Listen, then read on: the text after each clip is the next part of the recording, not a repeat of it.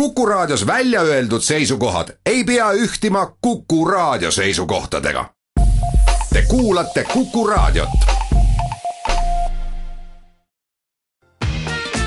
naised ei jäta.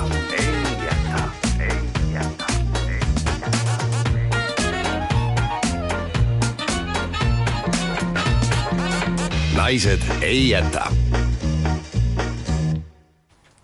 tere hommikust, kell on kohe-kohe üheksa läbi üksteist minutit, Naised ei jäta alustab taas stuudios Kristi Kool ja Marit Ummelas. tere hommikust, daamid, tere hommikust, härrad ja tere hommikust ka meie kõutskuulaja, poiss Kodukass. tere ja. hommikust, ilus kevad on käes. on küll, kolmekümnes aprill, väljas on mõnus päiksepaisteline ilm, meie saade peaks tulema ka väga ilus ja helge. tuletame meelde, et alates kolmekümnendast saatest palume ennast nimetada legendaarseks naistesaateks jah, aga öö, meil on selline mure hingel kripeldanud juba jupp aega, et meie kui naistesaade oleme liiga vähe rääkinud naisi tõeliselt põletavatel teemadel. seda, mis naisi tõeliselt põletavad, sellest me saame iluajakirjadest teada. Need on väga tähtsad teemad, me kuidagi viljeneme neid vähevõitu. me ükskord tegime ripsmeduši ise, see ei tulnud välja. nii et me proovime nüüd uuesti. me proovime jälle, jaa. me ei proovi mitte teha ripsmeduši, vaid me proovime rääkida iluteemadel tuleb ilus ja harmooniline saade. tänases saates me toome teieni ühe toreda naise Meeli kannapöörde loo, kes äh, loobus oma tasuvast tööst, et teha ennast õnnelikuks. siis me käime külas Juukseakadeemias ja uurime, kuidas selle juuste tervisega on, et miks osadel inimestel kipuvad jääma juuksed hõredaks, osadel sootuks välja kukkuma? ja muide, see ei ole sugugi mitte ainult meeste probleem, väga palju käib seal Juukseakadeemias ka daame. ning siis, oo, siis äh, me teeme ennast ilusaks me teeme ennast väga ilusaks, me leidsime Youtube'ist ühe vahva õppevideo ja proovime Kristiga ennast siis muuta kauniteks multifilmi kangelannadeks. kuidas see välja tuleb, eks kuulake järele ja vestlusringis jagame kogemusi erinevatest iluprotseduuridest. nii et tuleb väga ilus saade. esimene lugu selle tõestuseks.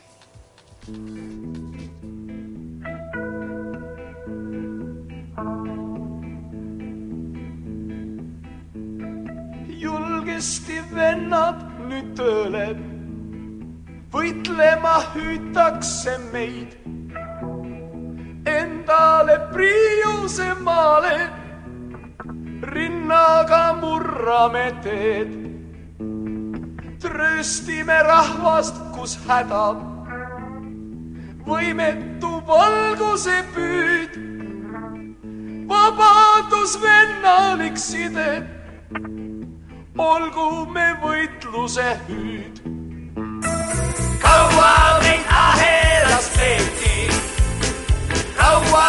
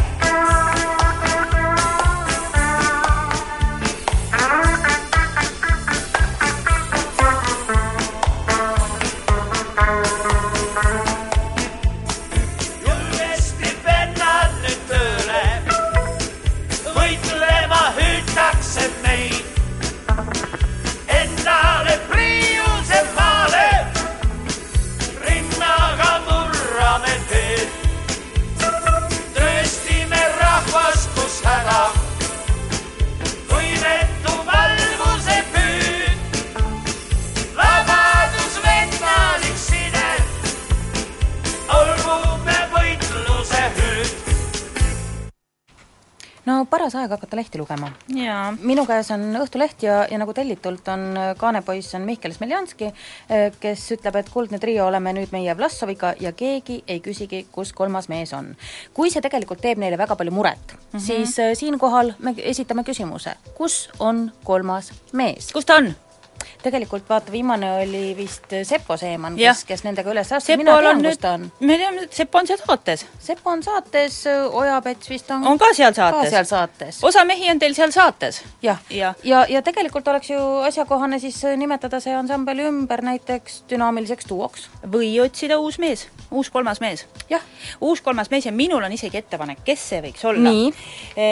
Tänase Postimehe vahel olnud Arteris on väga äh, äge lugu äh, Ida-Tallinna Keskhaigla kardioloogist Rein Vahisalust, kes saab juunis seitsekümmend, aga see ei tähenda midagi, mees on vitaalne ja terve ja ega need Smedjanski ja Vlassov ka esimesest noorusest ega need ei ka ole päris rüblikud ei ole tõesti. ei ole, ei ole, aga see on tore mees, kõigepealt äh, muusikaline taust on tal olemas, sellepärast et tema isa oli rammis laulja ja solist ja, ja mees ise on äh, väga kirjanduslik äh, kuju, vaatamata sellele, et ta on ka väga hea äh, arst, aga ta on kirjutanud kolm meditsiiniraamatut, kaks reisikirja, jalgpalliraamatu ja ulmelise ohuromaani. nüüd ilmus mehel jälle raamat Südamest, muiates ja tõsimeeli ja siin vahel on isegi luuletus tõesti mm, -hmm. ma loe ette. loen ette ja ma arvan, et Kuldne Trio võib täitsa mõelda selle, selle loo ärategemisele. see on selline vabavärsiline lugu. rekkajuht Mati sattus infarktieelsesse seisu, viiekümne viiene ja üheksakümmend kuus kilo raske, saja seitsmekümne kuue sentimeetri juures. toodi valudega haiglasse. hakati veresooni uurima. vapustav vaatepilt. sisemine pind on korpas ja krobeline, paksu kõntsakorraga kaetud Mati oli sigarettidega oma põllu üle pahvinud, korralikult viis korda päevas, juba koolipõlvest alates. nikotiin uuristas pinnasesse augud, sinna komistasid vereliistakud, iga kolmas möödaujuv vähemalt, et alustada trombikägariku elutsükliga jälle uuesti ja uuesti pihta. tahmast tolmust me ei räägigi see on üks äh, väga poeetiline haiguslugu. jaa, mõtle, kui sul oleks selle haigusloo peal sihuke asi kirjas. jah, tavaliselt nad kirjutavad midagi aru ei saa ja ladina keeles, see on palju parem. see on palju parem, muidugi mul tekkis üks küsimus, et kui see Mati, vaene mees, nüüd suitsetas viis suitsu päevas, nagu ma sellest aru sain, et ega see, seda ma ei nimetaks selliseks äh, padusuitsetajaks, et et korralikud suitsumehed teevad ikka märkimisväärselt rohkem. me teeksime siia paranduse sisse. kakskümmend viis. Eh, vaata, et rütm säiliks, Mati oli sigarettidega oma põllu üle pahvinud korralikult kaks pakki päevas. jah, vot siis juba on, on nagu tundub realistlik. Aga, aga selle viisistamisega, et ma ei tea, kas ta peaks olema selline koori, kooriseades lugu eh, või siis äh, räpp või midagi, kas rekkajuht Mati sattus infarkti eelsesse seisu. aga võib-olla jään liiga hale ja mehi ei kõneta, vaata, et mul need südame-veresoonkonna haigused ja suitsetamine rekkajuht Mati Ja kuidagi niisugune- sattus infarkti eelsesse seisu. Niisugust hakkaks- jaa. või tehke Kuldne Trio ikkagi, võtke härra doktor Vahisalu kampa ja, ja tehke see rekkajuht Mati lugu ära. ma mõtlen ise ka, see jäi mul kuidagi kripeldama, et kui mul tuleb hea mõte, siis teeme ise. jah, jah, ja kui keegi seda asja ette ei võta, siis, Siis me, teeme ise. siis me teeme ise sellest aga Õhtulehes seevastu, vaata, kuna meil täna on sellised tervise ja ilu teemad Jaa. ikkagi, me ei saa ju niimoodi rekkajuhi teema pealt kohe minna Ei saa. üle, siis on äh, siin ka selline terviserubriik, kus on öeldud, et mis asjad teevad paksuks. no mis siis teevad? kümme asja, Kümme aga, asja? ja, aga ma loen sulle siit äh, ette näiteks kaks Noh. Äh, teevad äh, paksuks, inimese teevad paksuks kõrged kontsad. oled sa selle peale kunagi mõelnud? ei ja siin seletatakse, et, et kui sa kannad tööl äh, madalaid kingi ja teksasid, siis sa teed iga päev umbes viissada sammu rohkem kui miniseelikus ja kõpskinga preilid. mina ei usu, ma arvan, et need preilid eh, klabistavad oma kontsadel väga kiiresti ja edukalt mööda treppe üles-alla.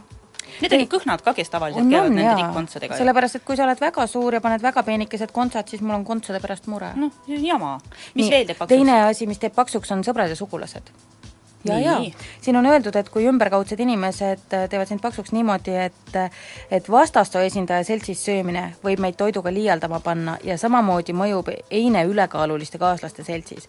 et äh, kui sul on sõbrad ja sugulased kutsutud külla ja sa kardad, et nende seltskond muudab sind paksuks, siis sa ütled neile, seiske esikus, seiske, ma söön mm. -hmm. või jäävad nad teistesse tubadesse, siis vohmid ruttu enda söögiüksi sisse. mina ei usu, tegelikult kui sul on aplad, sõbrad ja sugulased, nad söövad su eest toidu ära. ja siis sa jooksed kogu aeg köögivahet ja, ja kannad muudkui ette ja sa lähed ka, ma ei tea, me peame ümber tegema selle, teeme ümber selle asja. artikli me teeme ümber, meie ilu äh, põhimõtted on teistsugused. aga nüüd äh, kuulame juba intervjuud Meeli Laanega, kes otsustas oma elu ise ilusaks teha nii, et seda kardinaalselt muuta. naised ei jäta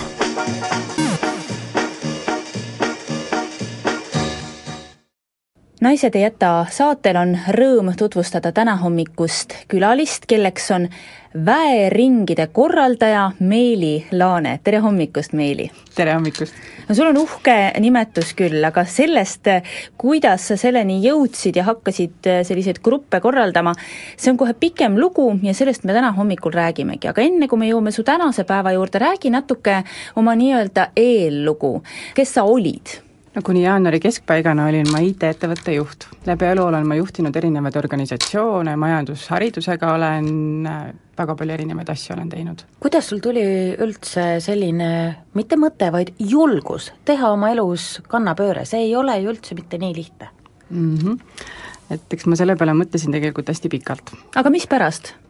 Äh, esiteks üheksast viieni töötamine, see õhtune aeg, kus mul on kolm poega, kus lastele üldse aega ei jätkunud, iseendale aega ei jätkunud, juba tervis hakkas viltu keerama, nädalavahetusel oli nagu natukene selline no oli nagu ära kadunud nädalavahetused, et äh, lihtsalt oli vaja ennast välja puhata sellest tihedast nädalast. ja siis juba tekkis selline ohvritunne, et kõik on nii pahasti ja, ja elus ei ole ükski asi hästi ja ma ei jaksa enam ja ma ei jõua enam ja miks ma pean niiviisi tegema, aga noh, sellises tempos ma ikkagi käisin nagu aastast aastasse. et raha on vaja viimasesse ettevõttesse minek oli puhtalt, kuna see oli IT-ettevõte, kus ma ei ole varem selles sektoris töötanud, siis see oli väga majanduslik otsus. seal oli selline töötasu, et, et mul ei olnud vaja mitut erinevat asja teha, sain oma peret ülal pidada üksikvanemana ja, ja nii oligi. ja terve see kolm aastat, kui ma seal ettevõttes töötasin, oli hästi keeruline jagada ennast pere, iseenda ja töö vahet no suhted lastega ilmselt olid ka pisut hapramad, ma kujutan ette? jaa, enam-vähem sellest ajahetkest äh, minu keskmine poeg sai, jõudis puberteediikka ja siis tulid kõik asjad tulid korraga. et kõige väiksem poeg hakkas ka näitama, et, et kodus ei ole, kõik asjad ei ole korras.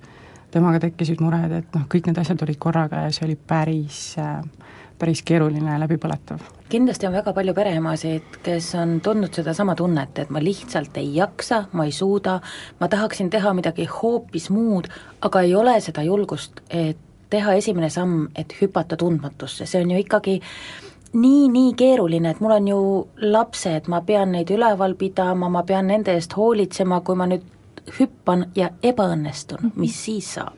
no ja tõepoolest, sinu puhul sa olid, sa oled kolme lapsega üksikvanem risk on väga suur. no tegelikult pealtnäha see tundubki väga vastutustundetu otsus. Öeldi ka sulle vahel nii või? no äh, minu lähedased inimesed tekitasid küll väga suure sellise paanikatunde minus endas ka, et, et sa ei tohi seda otsust teha, sa jääd nälga, sa jääd oma kodust ilma, sul ei ole lastele laua peale sööki tuua, tegelikult ma olen olnud selles olukorras kunagi aastaid tagasi peale tõsist haigust või õnnetust ja, ja ma tean täpselt, mis tunne see on olla, kus, kus ma kaotan usu iseendasse, kus ma olen sentide eest ostnud lastele makaroni selleks, et nemad söövad, ise olen olnud teedieedi peal. et ma olen kõik selle läbi käinud ja ma tean, kui jube see on ja, ja ma tean, kui kergelt on sinna võimalik kinni jääda. ja kui poleks olnud neid inimesi minu kõrval, kes siis ellu tulid, siis äh, ma arvan, et ma ei oleks osanud sealt üksi välja tulla nii, aga ometigi sa olid äh, väga raskes seisus, siis väga hea palga peal, nagu ma aru sain, ja sa otsustasid, et sa tuled päevatöölt ära. aga mis see siis viimaseks sa sai või, või mismoodi see otsus tuli siis lõpuks? vaata, kui sa teed pikka aega mingit asja, mis tegelikult ei ole sinu asi, sa teed seda sellisel moel, mis ei ole tegelikult üldse sinu moodi mm ja sa oled väsinud kogu aeg ja kurnatud kogu aeg, siis mulle juba tekkis lõpuks selline tunne, et mul ei ole nagu valikut enam. et valik oli see, et, et kas ma lõpetan kuskil haiglas, seepärast et minu keha juba andis ennast igasuguste valudega tunda, et, et mul ei ole hästi. ja või siis see, et ma teen selle pealtnäha vastutustundetu otsuse ja hakkan elama oma elu iseenda järgi, enda heaks, oma laste heaks ja teha neid asju, mis mulle tõsiselt meeldib teha mida sa siis tegema hakkasid, räägi välja. üks asi just äh, seesama hirm, et äh, kui ma olin selle sammu ära astunud ja mu lähedane ütles, et, et nüüd tuleb sinule vaesus, et sa jääd kõigest ilma, mis sa oled oma elus äh, saanud endale, siis äh, minu jaoks oli see otsuse koht, et mis teed pidi ma edasi lähen. et kas ma usun iseendasse ja usun, et ma tegelikult tulen selle kõigega väga hästi toime, ma tulen sellest kõigest välja, või siis kuulan teisi ja, ja kaotangi usu iseendasse et nüüd lähengi põhja, sellepärast et ma teen midagi sellist, mis ei ole normaalne. ma tulen ära töökohast, mis on hästi tasustatud, mis on prestiižikas, rahvusvaheline ettevõte, just sain endale auto, tööauto, mis tuli just tehasest välja, see ei ole normaalne samm. jah, see on täiesti ebamõistlik samm. ja, ja üks asi, äh, mis tegelikult sündis enam-vähem samal ajal, kui ma töö juurest ära tulin, oli äh, naiste toetusring, mida mina nimet-, nimetan naiste väeringideks Äh, see oli mul mõte, oli juba peas olnud juba tükk aega, visioon, et kui naised tulevad kokku, et siis tegelikult see, mis sealt nagu sünnib, see naiste kokkuhoidmise vägi, et see on midagi hästi võimsat. et see on koht, kus iseennast toetada ja, ja läbi iseenda ka teisi naisi, kes seal ühes, ühes ringis istuvad. vot selline mõte oli mul nagu pikalt juba, juba peas olnud. ja, ja siis peale töölt äratulekut see kõik kuidagimoodi Äh, ta, ta muutuski minu, minu jaoks ongi ta selline toetav naistering, vot see on see koht, kus ma lähen ise kohale ja, ja naistega koos olles, vaadates erinevatele teemadele otsa, kogedes uusi kogemusi, kohtudes uute inimestega, see on see, mis hoiab mind elus, mis hoiab seda usku üleval, et ma tegelikult tulen toime väga paljude asjadega, et, et tegelikult minus on see vägi olemas, eks ju, et teha midagi palju enamat, kui olla raha pärast üheksast viieni tööl. aga kas siis hakkasid tulema ka uued võimalused, sest no olgem nüüd mõis-, no selles mõttes reaalsed, sa tuled töölt ära, aga järgmine kuu tuleb kommmaksud ikka maksta ja ülejärgmine kuu ka ja väljaminekuid ju on. sul tekkis ikkagi auk sisse, mis siis sai? no üks asi, mida ma olen tegema hakanud, äh, mida ma tegelikult oskan teha, olen osanud juba väga pikalt teha, on näiteks inglise keele õpetaja, annan eratunde mm. -hmm. kunagi olin koolis selline õpetaja, nüüd annan täiskasvanutele eratunde. sa lihtsalt otsisid üles need asjad, mis sa oskad? täpselt, just, just, just ja mitte ainult need asjad, mida sa oskad, vaid need asjad, mis sul panevad silma särama, mis teevad sulle rõõmu. just, et mida ma ka ei oska või ei ole julgenud teha tegelikult, tänapäeva naistel on väga tihti on see, et, et et sisemas nagu kripeldab, kripeldab, mida ma tahaks teha, aga ma ei julge seda teha, ma ei ole piisavalt hea, ma ei ole piisavalt koolitatud, need on sellised tüüpilised äh, argumendid, miks mitte teha, miks mitte astuda samme selles suunas, mida sa tõsiselt tegelikult tahad teha. ja seal naiste väeringides ja väekoolitustel, mis mulle nagu tohutult meeldib, ongi see, et, et me räägime, igat väeringi juhib erinev naine. Ja, ja kuidas see naine sinna väeringi juhtima saab, on, on täpselt läbi selle arutelu ja vestluse ja siis on näha, kuidasmoodi kellelgi lähevad silmad särama oh,, see on minu teema mm, -hmm. see mind nagu nii kõnetab. ja siis ongi, ja see on see naine, kes järgmine kord veab seda väeringi ja see vääringi vedamine või koolituse tegemine on tema jaoks täiesti esmakordne asi. ta pole varem julenud seda üldse teha. aga see on teema, mis teda tohutult kõnetab. ja ma näen, kuidasmoodi need naised nagu järjest nagu kasvavad ja hakkavad järjest rohkem tegema neid asju, mida nad tohutult tahavad tegelikult teha nii et see väering äh, on selline ettevõtmine, kus tulevad kokku naised, kes üksteist varem ei tunne, nad tulevad kokku ühte ruumi ja mis siis edasi saab? meil on tavaliselt, on teema välja valitud, mis teemal me räägime, olgu see näiteks kire teema või siis meil oli viimane kord, oli jumalannade teema.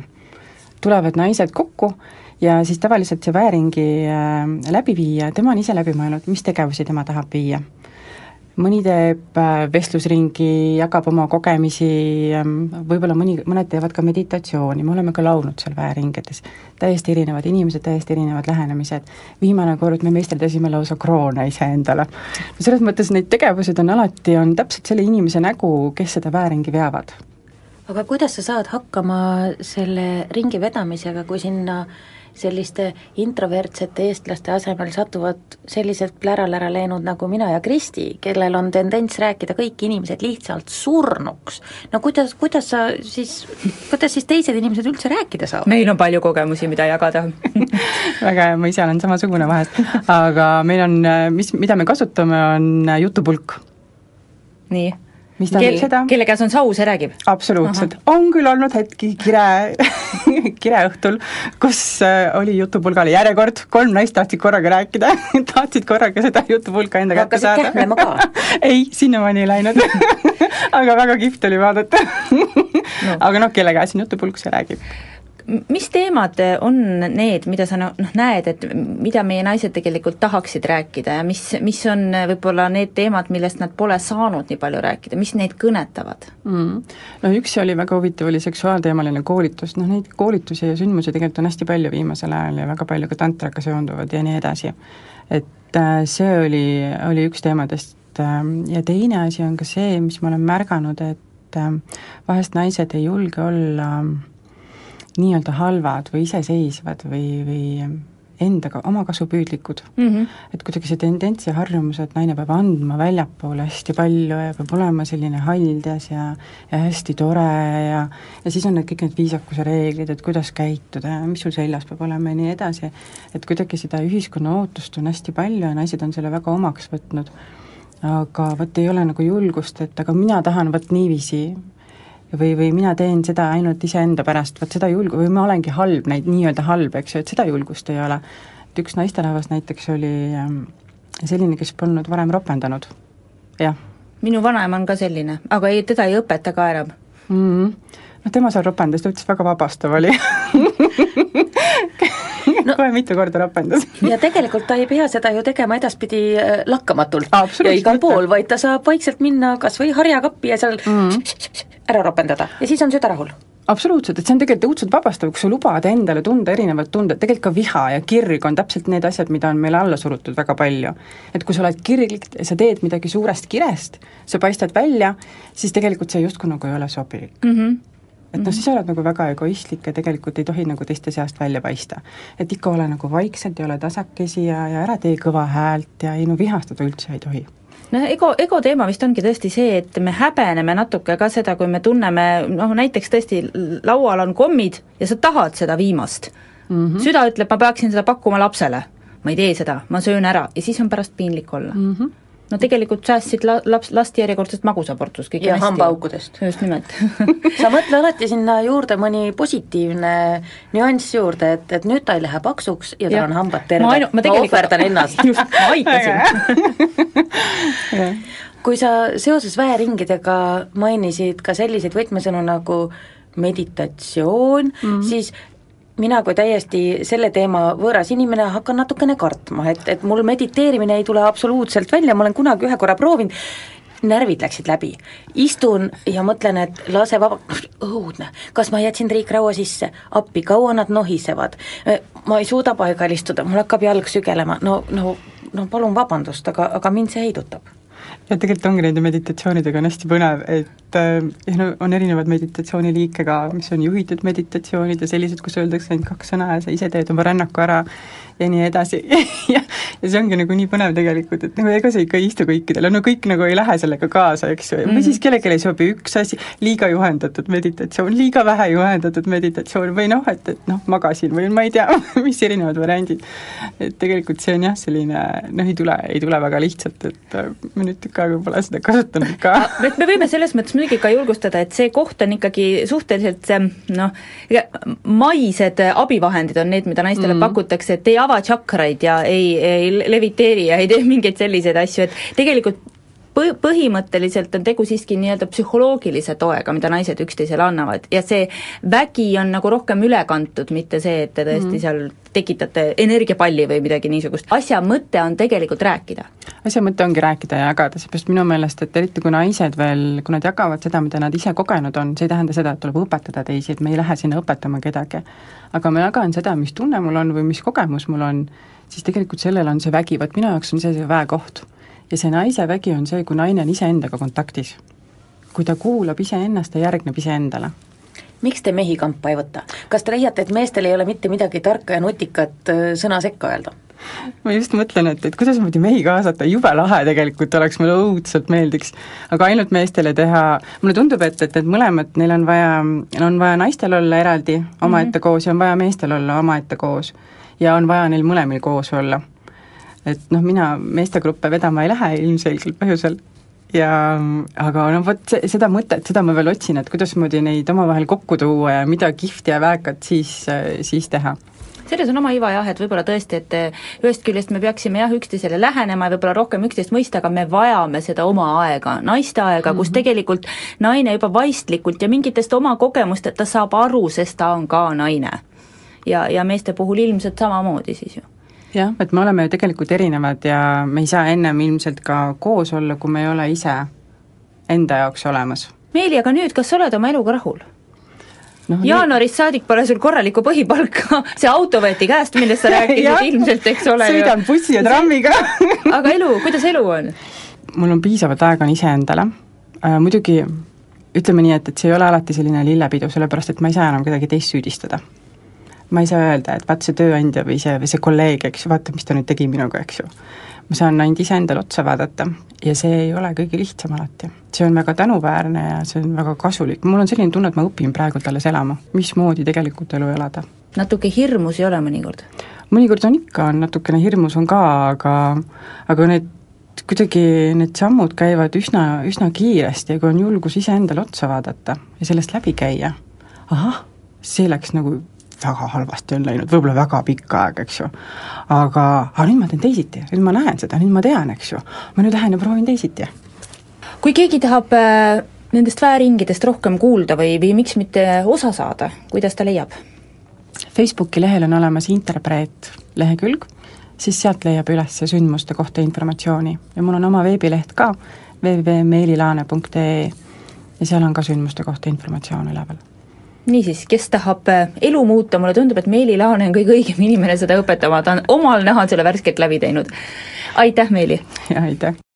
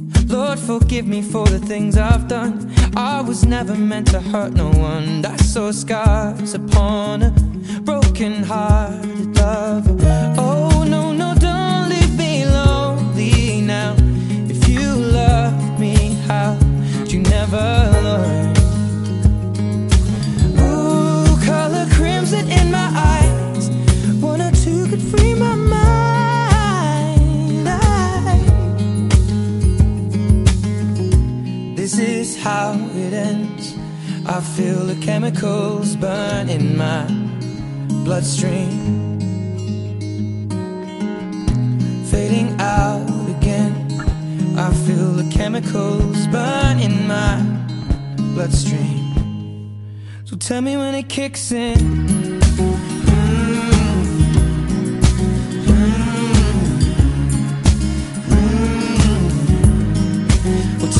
really kicks in. Mm -hmm. Mm -hmm. naised ei jäta.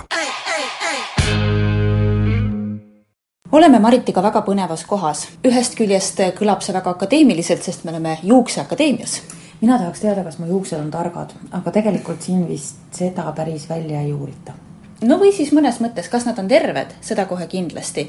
juuste tervisest räägime juuste spetsialisti, Juukseakadeemia juuste spetsialisti Kerli Mägariga, tere hommikust! tere kõikidele! me tulime siia konkreetselt naiste juuste murega, sest kui räägitakse juuste hõrenemisest ja väljalangemisest, siis kuidagi seostatakse seda rohkem meestega. tegelikult äh, naiste juuste hõrenemine on ilmselt nüüd juba vist sama levinud nähtus jaa, et võib küll öelda, et kui siin vaadata aastate lõikeid, siis äh, naistel järjest äh, rohkem vanuses seal kolmkümmend, nelikümmend on näha, et äh, ikkagi need juuksed jäävad nõrgemaks, et see juuretasand, kui me teeme siin juuksejuure uuringut, siis me näeme, et see juuksejuur on siis, rakud on jäänud kuidagi nõrgemaks, kui need klassikalised tugevad juukserakud peaksid olema. Teiseks jah, et see juuste hõrenemine, et inimestel on seda järjest rohkem või vähemalt meie poole pöördutakse selle küsimusega järjest rohkem, et, et nii see on. kas selle põhjuseks on see, et daamid tänapäeval väga-väga tihti kasutavad erinevaid juuksehooldusvahendeid, muudkui föönitavad, muudkui sirgendavad, muudkui värvivad oma juukseid või on sellel mingi muu põhjus? No enamus juuste probleeme saavad alguse ikkagi seestpoolt, et äh, juuksekarv on hästi tundlik siis kehas toimuvale. Ja kui neid juuksejuure uuringuid me siin teinud oleme, siis me näeme, et äh, sagedasti on see, et kas on ikkagi äh, juustel on toitainete puudus ehk juuksed ei saa piisavalt vajalikke toitaineid kätte, kas on vereringe juuksed annavad märku ka sellest, kui on tekkinud see hormonaalne tasakaalutus, mistõttu me siis alati soovitame ka arsti poole pöörduda, et ikkagi korralikult need äh, näitajad ära teha ja arstiga konsulteerida sellel teemal. mis on naistel viimasel ajal sage, on see, et Äh, raud kehas ei imendu, ehk äh, kui nad teevad vereanalüüsis seda ferritiini, transfer, transferiini, siis on ka seal näha, et äh, need näitajad on ikkagi väga madalad ja jällegi juuksed annavad sellest märku seeläbi, et juukserakud jäävad nõrgaks ja juuksed ei saa olla pikka Aga aega peas. milles see põhjus siis on, et raud ei imendu, kas see on mingi uuema aja elustiili asi või? siin on, eks neid põhjuseid võib olla erinevaid, üks, mida peetakse äh, Äh, põhipõhjuseks on ikkagi soolestikus halb toitainete imendumine, et äh, kuna need äh, toiduained, mida me enamasti poes ostame, siis nad on ikkagi nii nagu töödeldud ja nii palju lisaaineid, et, et kokkuvõttes jah, võib tekkida olukord, kus soolestikus muutub toitainete imendumine kehvemaks, ehk siis jällegi juuksed jäävad nagu sinna vaeslapse ossa. no meie emad ja vanem, vanaemad pesid pead munaga, pesid pead leivaga, kõigil karv läikis ja meil oli rõõmus, mingit muret ei olnud. Aga tänapäeval me ei tee ju seda enam, kas, kas viga võib olla selles, et me oleme läinud niimoodi moodsa aja inimesteks? me peame muna juurde tagasi pöörduma eks neid kemikaale, mida tänapäeval me endale naha peale paneme, on päris palju, alates siis juuksehooldustoodetest, lõpetades siis kosmeetikatoodetega ja ja tõesti, kui neid koostiseid vaadata, siis ega need koostised väga sellised enamasti väga looduslikud ei ole. et seetõttu äh, on tore, on muidugi näha see, et järjest rohkem naisi on hakanud tähelepanu pöörama sellele, et mis on need koostisosad nendes äh, juuksehooldustoodetes või kehakreemides. oskad sa kohe öelda ka, mis see kõige alarmeerivam peaks olema, kui ma pakuket mm -hmm. loen? No üks, kui me räägime nüüd šampoonidest, siis äh, kui me ikkagi peseme juukseid sagedasti, äh, tihtipeale kas üle päeva või isegi iga päev, siis kindlasti tuleks vältida sellise koostisega šampoone, kus on need tugevad pesuained, sulfaadid sees. et šampooni koostis pannakse alati kokku nii, et äh, need koostisosad, mis on eespool, neid on siis rohkem ja neid, mis on tagapool, neid on vähem. kui esimese kolme koostisosa hulgas on juba kirjas soodiumlauret sulfaat või need teised sulfaadid, siis see on küllaltki tugev pesuaine, millega ei tohiks väga sagedasti juukseid pesta, et see põhjustab siis peanaha mikrofloora tasakaalutuse, sealt omakorda juukse nendes kanalites probleeme ja hiljem ka juust, soodustab juuste väljalangemist no kui laias laastus võtta, siis äh, üks probleem on siis nii-öelda elustiil. kas on ka selline, et noh, et ongi geneetiliselt sellel naisel langevadki juuksed välja, kas siis saab ka midagi teha? põhiasi, mida meie siin näeme, on see, et ikkagi see elustiil, toitumine, toitainete imendumine, peanaha mikrofloora, ütleme selline düsbalanss aktiivne pärmseen, kindlasti kõik need soodustavad ka sellist hormonaalset tasakaalutust juba, et et meie siin oma soovitustega oleme siis näinud, et kui tegeleda nüüd äh, kõikide nende aspektidega, siis tegelikult äh, ikkagi see juuste olukord äh, hakkab paranema, juuksekarv raku tasandil muutub tugevamaks, et, et sellist mm, noh, ütleme sellist väga-väga äh, raskeid juhtumeid, kus, äh, kus nüüd on juba haiguslikud põhjused taga, siis noh, nende puhul tõesti on nagu keeruline seda olukorda pare-, paremaks saada.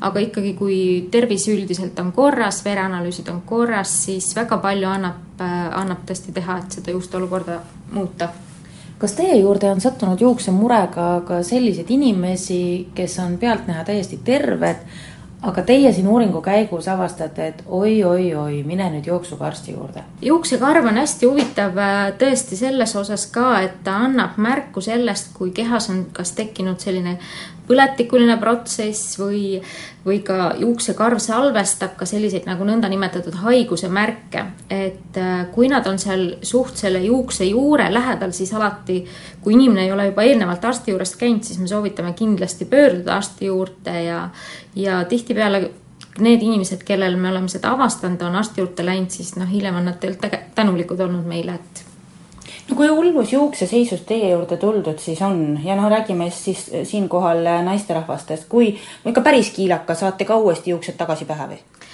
No mis on praegu viimasel ajal äh, tihti inimesed pöörduvad meie poole sellise probleemiga nagu alopeetsia areata, kus siis äh, juuksed tulevad laiguti peast ära ja seda on juba päris noortel seal kahekümnendates, nii meestel kui naistel.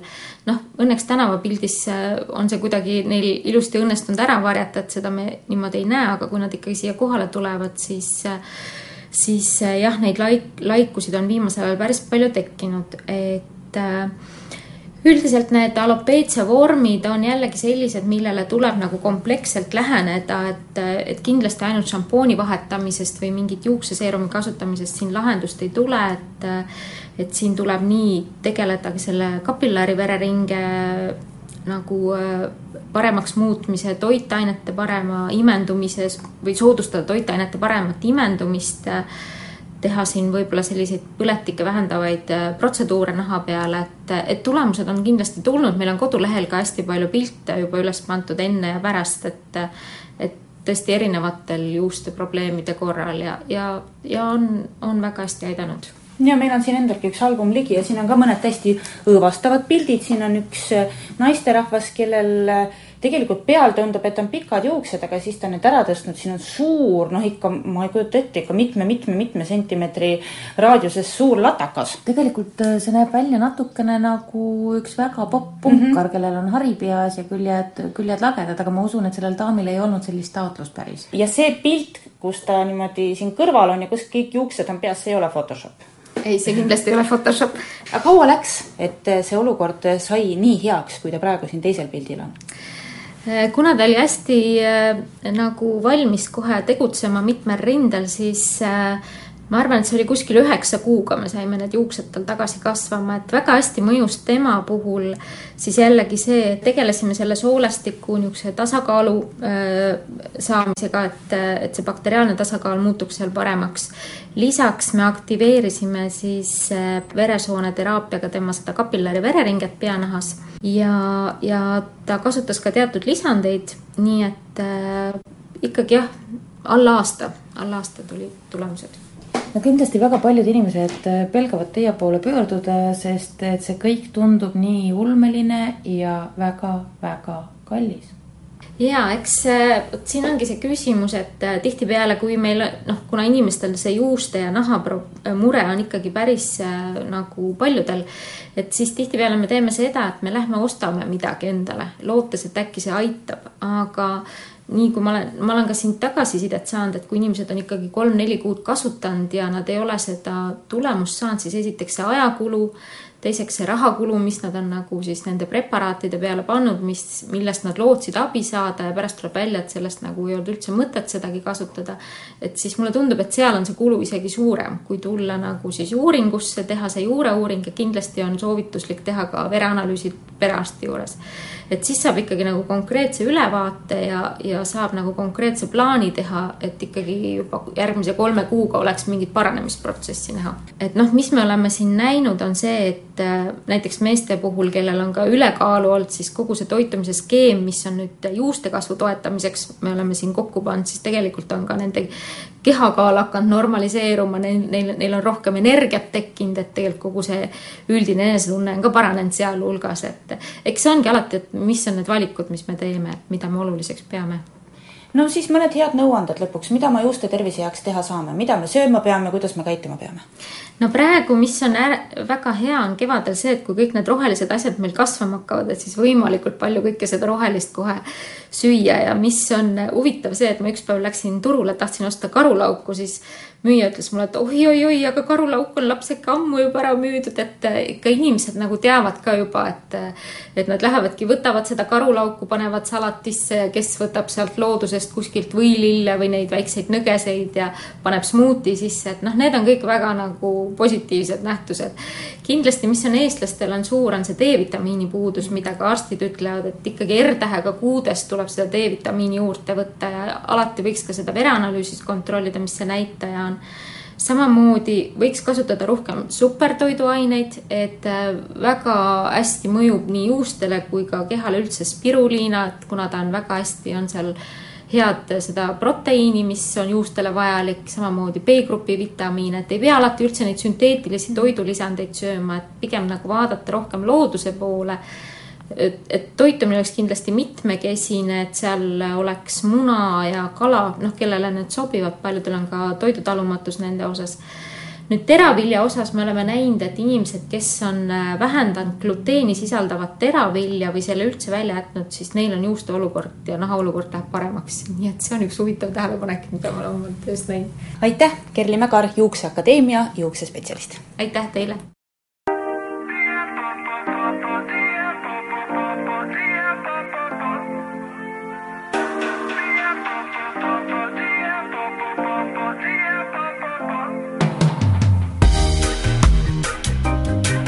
she goes, there she goes, there she goes. There's nothing better than my beautiful woman. Even though, even though, even though it's not always there, we still fly together.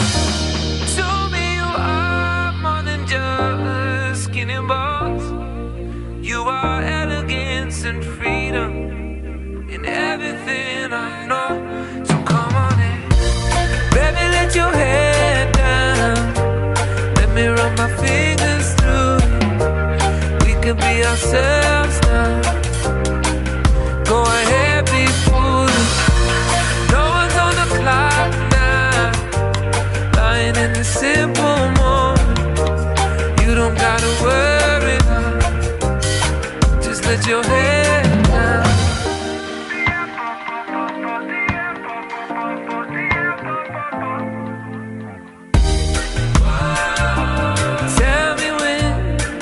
me when, tell me when. When I could steal a sweet kiss right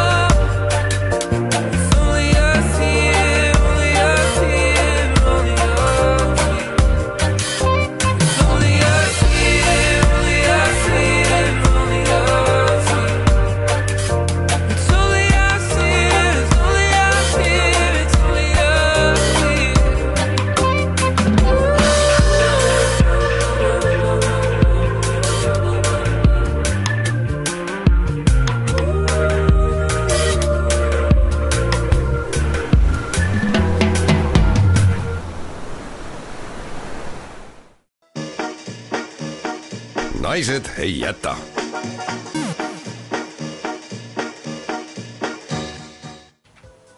kell on saanud kümme läbi kaheksa minutit, Naised ei jäta teine saatetund on alanud, stuudios endiselt Kristi ja Marit. selles saatetunnis me olemegi peamiselt ainult ilulainel väga ilusad oleme. jaa, kõigepealt me teeme ennast ilusaks ja siis vestlusringi teema, kuidas ilus välja näha ja milliseid abivahendeid ja abiinimesi me selleks vajame. Vahel vajame rohkem, vahel vajame vähem, nii et me räägime täna vestlusringis just nimelt sellel teemal. aga kõigepealt väikene eh, eksperiment, kuidas mina ja Marit otsustasime saada multifilmi kangelannadeks.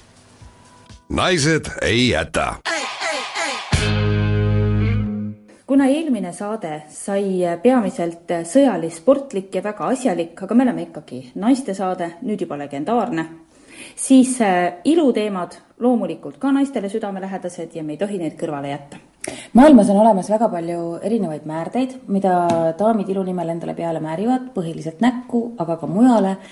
Aga tunnistame ausalt, meie Kristiga oleme selles valdkonnas tegelikult veidi nõrgad. see ei tähenda, et me ennast ei meigiks. ja, ja aga vaata, see valdkond kuidagi on meist ees kogu aeg. me kogu aeg imestame, ah näed, selline asi on ka veel olemas ja, ja siis, kui me selle oleme teada saanud, on juba jälle midagi uut välja mõeldud. jaa, sellepärast et iga kord, kui ma satun ilutoodete poodi, siis tõenäoliselt tütarlastele ilupoes tunduvad minu küsimused kuidagi mullusest sajandist ja veidi lapsikud, sest tavaliselt nad pööritavad silmi ja siis lohistavad mind kusagile osakonda ja siis ütlevad, vot seda sa vist tahad.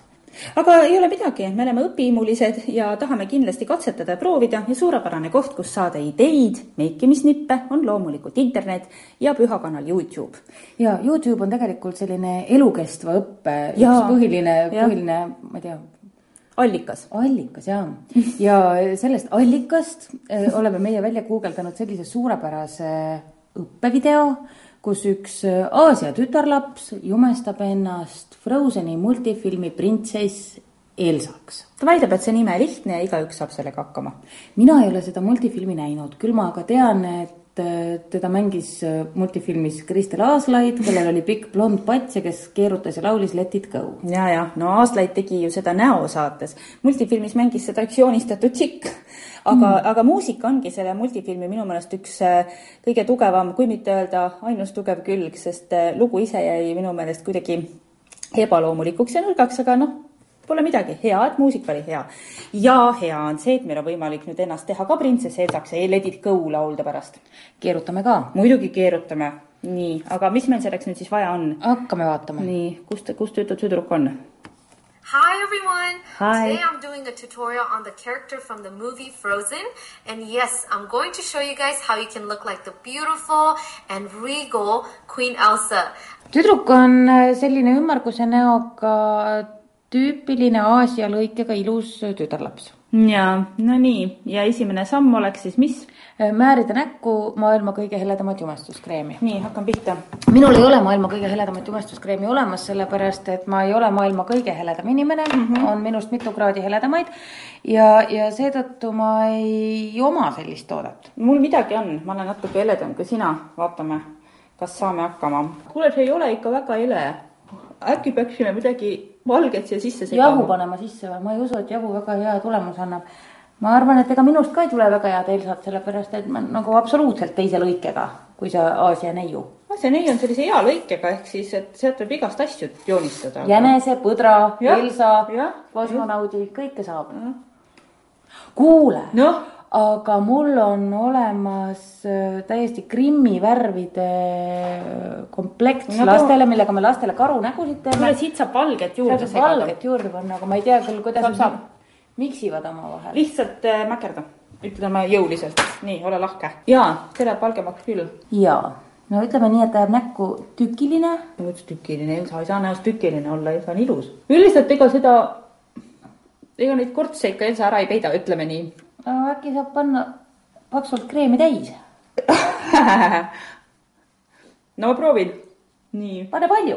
ma panen siia, mul on siin suure suujoone juures selline eluaegsest äh, naermisest, vot see on, käid ja itsitad kogu aeg. kortsud tulevad korts, nüüd on mul suu kortsil. Elsal ei olnud sellist. veel sa ei naernud äkki? ei, mitte eriti, ta oli selline traagilise elusaatusega tütarlaps, kõik, mida ta puudutas umbes, kui tal asi käest läks, muutus äh, jääks. aa, ja siis see, see teda väga häiris. Mina ta oleks oma õe ära tapnud ääre pealt muide. mina oleks ta võtnud tööle kusagile külmhoonesse. nojah, nad seal Oleks- karjääriplaane väga ei arutanud, ainus võimalus oli ennast mehele minna või midagi niisugust. ma ütlen sulle ühe kurva asja. noh, mida valgemaks sa ennast näost teed, seda kollasemad tunduvad su hambad. oi kurja. see on halb. aga mis siis saab? hoiad suu kinni. no, no kus ma Let it go saan laulda siis, kui mul suu kinni on? vilistad. So now I'm gonna take this really pigmented purple eyeshadow and apply it on the corners of my eyelids. nii, laugude nurkadesse tuleb panna lillat. mul on lillat. too lagedale. mul on kõige tumedam lilla vist see, aga see vist on natukene roosa, jaa, see on enam-vähem, väga hea. võin öelda, et juba praegu, kus meil on tehtud vist alles esimene veerand, on erinevus märgatav. ma olen teist nägu. Sina oled teist nägu ja sa ei ole seda nägu, mis on neiu asiaat ja Elsa nägu ei ole me selles etapis keegi mitte. lilla ühte nurka, teise nurka, ja nagu nurkadesse tuli panna, mul läks mujale ka. sul läks mujale ka, sul läks üle nurga, kuule, sul läks ikka kõvasti mujale ka jaa, no juhtub. nõks näeb nüüd välja ka mingi koduvägivalla plakat ausalt. Veits küll, jah. see lilla on intensiivne. jaa, et kui sa ikka lillaga silmi jumestad, ma ei tea, ma oleks ettevaatlik selle toonivalikuga. jaa. mis nüüd edasi saab? no edasi on äh, To make my eyes look more animated, I'm gonna take my black eyeshadow and I'm Oh, just gonna start issand. creating this dome shape, which is similar to Elsa's eyelids. nii, ole kena, otsime nüüd veel korraks musta välja ja teeme sinna punase peale veel omakorda musta triibu, et su silmad oleksid nagu rohkem animeeritud ja see on väga hea. see on niisugune must määre. jah, silmad animeeritud pane silmad kinni. oo, kui animeeritud mm. Mhm. -hmm. mul on ka animeeritud. muidugi on, oota, mul läks natuke animatsiooni siia lau peale laiali praegu. kuule, sul on veel huvitavamad kui mul, ma ütleksin. ma olen isegi äh, mingis sa oled tagasihoidlikumalt mingis meikinud. looma selles näinud sellist asja. ma meikisin õpetuste kohaselt, Marit. ma ka. minust tuli mingi leemur. Natuke leemur jah, või miskit sellist äh,. niisugune nukker, ahastav pilt. jah, jah, ma olen näinud kuskil. mind ei ole kunagi. toidetud. seda ma päris ei ütleks, su nägu on rõõmsalt ümar. tuleb veel vaeva näha. aga ma olen näinud seda ja, ja see on mingi. Võib-olla su venna huvitab. mingis multifilmis küll, aga see nüüd, see võib olla Madagaskaris või kuskil, vaata seal, kus nad hüppasid, need ikka toredad loomad. Põhimõtteliselt sa oled õigel teel. ma ütleksin sinuga on need hästi, sest sa oled ikkagi animeeritud. Aga Aga- lähme edasi, Lähme ma arvan, et edasi. siin on palju palju asju veel teha. oi, palju, palju. Now I'm just gonna use the help of my white eyeliner to make my eyes look bigger and also eyelashes make all the difference. no nüüd hakkab nalja saama. nimelt on Elsal äh, kunstripsmed. hekki küll, ma ütlen, seda ma kardan.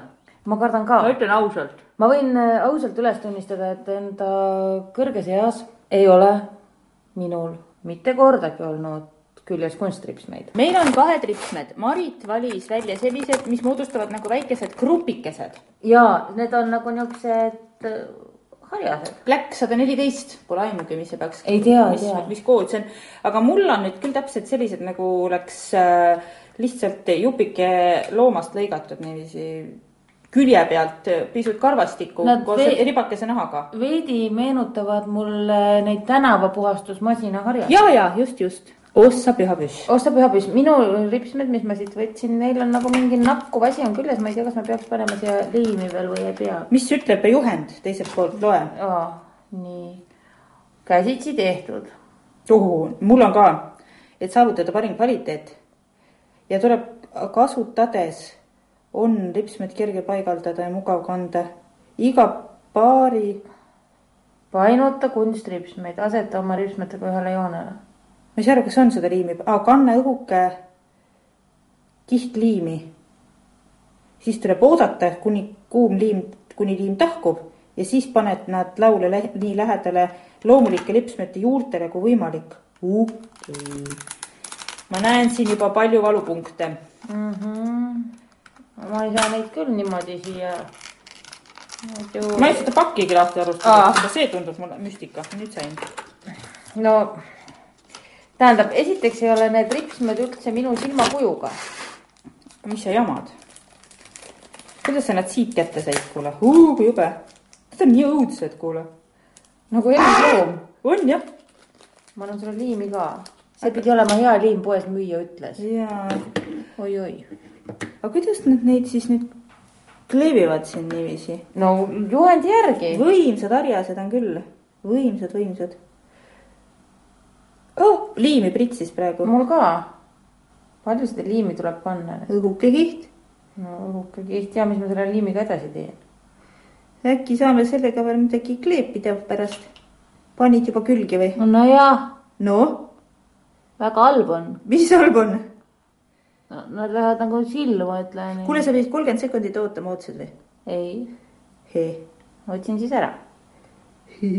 mul on nüüd silmalaug on sinine, äkki ma saaks silmalau peale panna ri- vär-, liimi? niipidi hoopis teha või? ei, nii vist ei ole hea. appi. ei ole võimalik. kuule, kes see käib nendega? nagu varikatusega maja. jaa, umbes nii, umbes nii. ai, kõik liimib, ütleme nii ja need on mul viltu ka veel. huvitav. aga sa lugesid, kuidas neid pärast ära saab? ei, ei lugenud. ahaa. teine asi on see, et kas see on siis ilus. koomiline igal juhul. Koomiline on- paneme teise ka. jaa. aga kui ma lõikaks teisel natuke lühemaks? ära lõika, siis nad ei ole sul ühesugused. Elsaks me ei lähe, tõesõna. Pole muretki. see on, see on juba praegu kindel. ma tahaks pärast teha väikse tiiru tänaval. naised ei jäta. Sai valmis. sai valmis, parukaid meil ei olnud, aga kuna ma olen paadunud käsitööline, siis igal käsitöölisel on kodus lõnga. mul on kerimata lõnga, me panime endale need lõngavihid lihtsalt niimoodi mauhti pähe, no Elsa, mis Elsa. ja on küll, tegelikult need Elsa juuksed olid ka nõks nagu narmendavad. kergelt olid nagu mopi otsad. nii et selles osas me oleme tõele lähedal, aga me läheme testime ka öö, tänaval, et öö, kuidas tundub. kas inimesed saavad aru, kes me oleme? jah, lähme, lähme küsime. kas me võime teid korraks tülitada? me tegime ennast õpetuse ilusaks. kohe inimene saab aru et me tegime ennast ilusaks. kas te, kas te tunnete ära, mis tegelaskuju me oleme? kuule, see on väga raske küsimus. see, see on üks multifilm, me tegime õpetuse järgi. jaa, kui ma ei vaata neid filme üldse nii ammus ka, sellest ma ei oska küll öelda. jube kahju, me nägime nii roppu moodi vaeva ei, ma saan aru ja jah, aga te ei näinud minu jaoks vaeva. me, ei, me ikka kõikide ma jaoks. pildin, pildistan, siis ma, jaa, muidugi, pilti võib ikka teha, jaa. siis ma, kas teil väike tütar on? Ei ole. ei ole, tema tütred. äkki suured tütred teavad? tegelikult me oleme Kuku raadio naistesaate daamid jaa, ja tegime eksperimenti. just. Kuku raadio ja noh, jaa, Jaa. Kuku raadios on laupäeva hommikuti saade Naised ei jäta. ja me teemegi siukseid asju. ja siis tegite nüüd ennast, aga mis multifilm see on? see on äh, multifilmi nimi on Frozen ja see on printsess Elsa. no vaata, kui meil ei olnud blonde parukaid, siis me pidime lõnga pähe panema. see printsess Elsa jutt jõudis minuni siis, kui minu tütre lapsele pandi Elsa nimeks onju. ja siis hakkas tulema, et Elsa, Elsa, see on ju multifilmi tegelane keegi. aga ma ei ole vist, võib-olla ma olen korra vaadanud, ma ei tea tõesti. no tegelikult Elsa on kõvasti noorem noorem ja siledam, aga me oleme särtsakused kindlasti võrdsed. aga aitäh ja ilusat päeva. vähemalt saime kinnitust, me oleme väga ilusad. jess. proua, kas te tunnete ära, kes me oleme? me tegime ennast üheks tegelaskujuks. ei. multifilm, mõelge Ei., teie ei tunne, üks multifilm, multifilmi tegelaskuju. Eesti multikas. ei, ei, ei, kuulus välismaa multikas. aa, see mingi, ei see, mingi Frozen või Rapunzel. hurraa! me nägime nii palju vaeva. Frozen ja see on printsess Elsa, kui ta, pidanud sinised riided selga panema. seda meile meile ütlevad, öeldakse ja meil ei ole siniseid riideid. aga miks te tegite ennast selliseks? sest et me leidsime õppevideo, kuidas teha ja me tegime samm-sammult, aga ei tulnud päris Väga sama välja. ei, väga äge, tubli. aitäh! väljas käidud nagu naksti ja, ja mis me võime selle eksperimendi kokkuvõtteks öelda? see kukkus tegelikult ropult hästi välja. no see on huvitav, kuidas me teeme eksperimente, meile endale tundub, et need ei kuku kunagi hästi välja ja lõpuks, kui me testime seda välismaailma peal, kukub väga hästi välja. Kõik inimesed, keda me tänaval kohtasime, olid rõõmsad, olid positiivsed ja need inimesed, keda me kõnetasime ja küsisime, et kas te teate, kes me oleme, noh, ega ei teatud. aga, aga mis siis, kõikidel oli väga hea meel, kõik ütlesid, oi kui tore, oi kui ilus, laske edasi, tehke veel. ja viimased daamid tundsid meid ära, kui meil oleks olnud sinised kleidid, oleks eh, olnud eh, olukord teine. nii et tegelikult ei tasugi rõhuda nii palju sellele meigile, kuivõrd et pane lõng pähe, sinine kleit ja kõik mm -hmm. inimesed on õnnelikud. nii et olge lahked, netis on, me paneme videolingi Facebooki üles koos piltidega, kus te näete, kuidas me Elsad oleme. tehke järele, proovige järele ja muutke oma kodukandi inimesed ka rõõmsaks.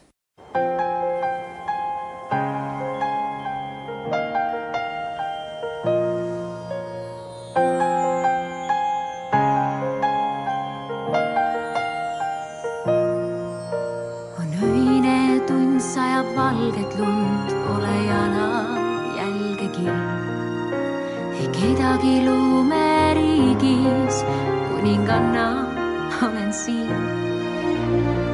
ka tuul ei jäta mind vaid ihus ringi käib. küll ma salajõud minust jagu sai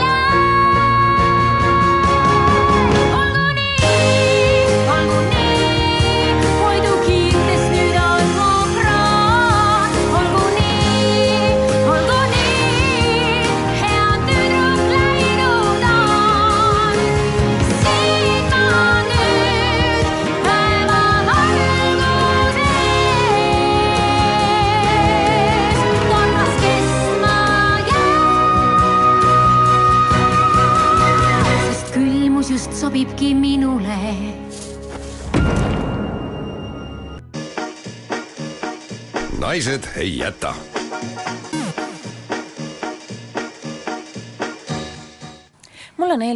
saatelõigu jätkuks äh, paar täpsustust. Nii. nimelt meie Facebooki imekauni pildi kohta on tulnud paar kommentaari ja mõned inimesed arvavad, et meil on sarved peas. see ei ole nii. see ei ole nii, teate, lugu oli tegelikult see, et meil ei olnud ju Elsa Parukat ja siis me leidsime, et Marit enam valget lõnga ja kumbki sai kaks vihti, vihku, vih-, vihta. vihti ja, ja, ja, ja aga need niimoodi kippusid peas eralduma ja libisema laiali ja seda me ei saanud lubada, siis need olid väiksed klambrid, mis me niimoodi panime, et vi-, vihad, vihid ei langeks. koos. ja et äh, me käisime jah, niimoodi mööda huulitsat ja siis oli lihtsalt see oht, et, et lõng kukub peast Ja, ära. see on lõnga kinnitus, ei Lõng- ole jah, sarved, aga nad näevad pildil tõesti sarved välja, nõks küll, jah. Eh, Nõks küll, aga samas ma panin üles ka just äsja selle õpetuse, mille järgi me ennast kauniks tegime mm, -hmm. nii et kõik, kellel on soovi muuta rahvas rõõmsaks, tehke järgi. võite meile isegi pildi saata. tahaks näha küll, kuidas teil see välja tuleb. nii, aga nüüd juba iluteemaline vestlusring, daamid on kohal, tere hommikust, Merle, tere hommikust, Kertu! tere!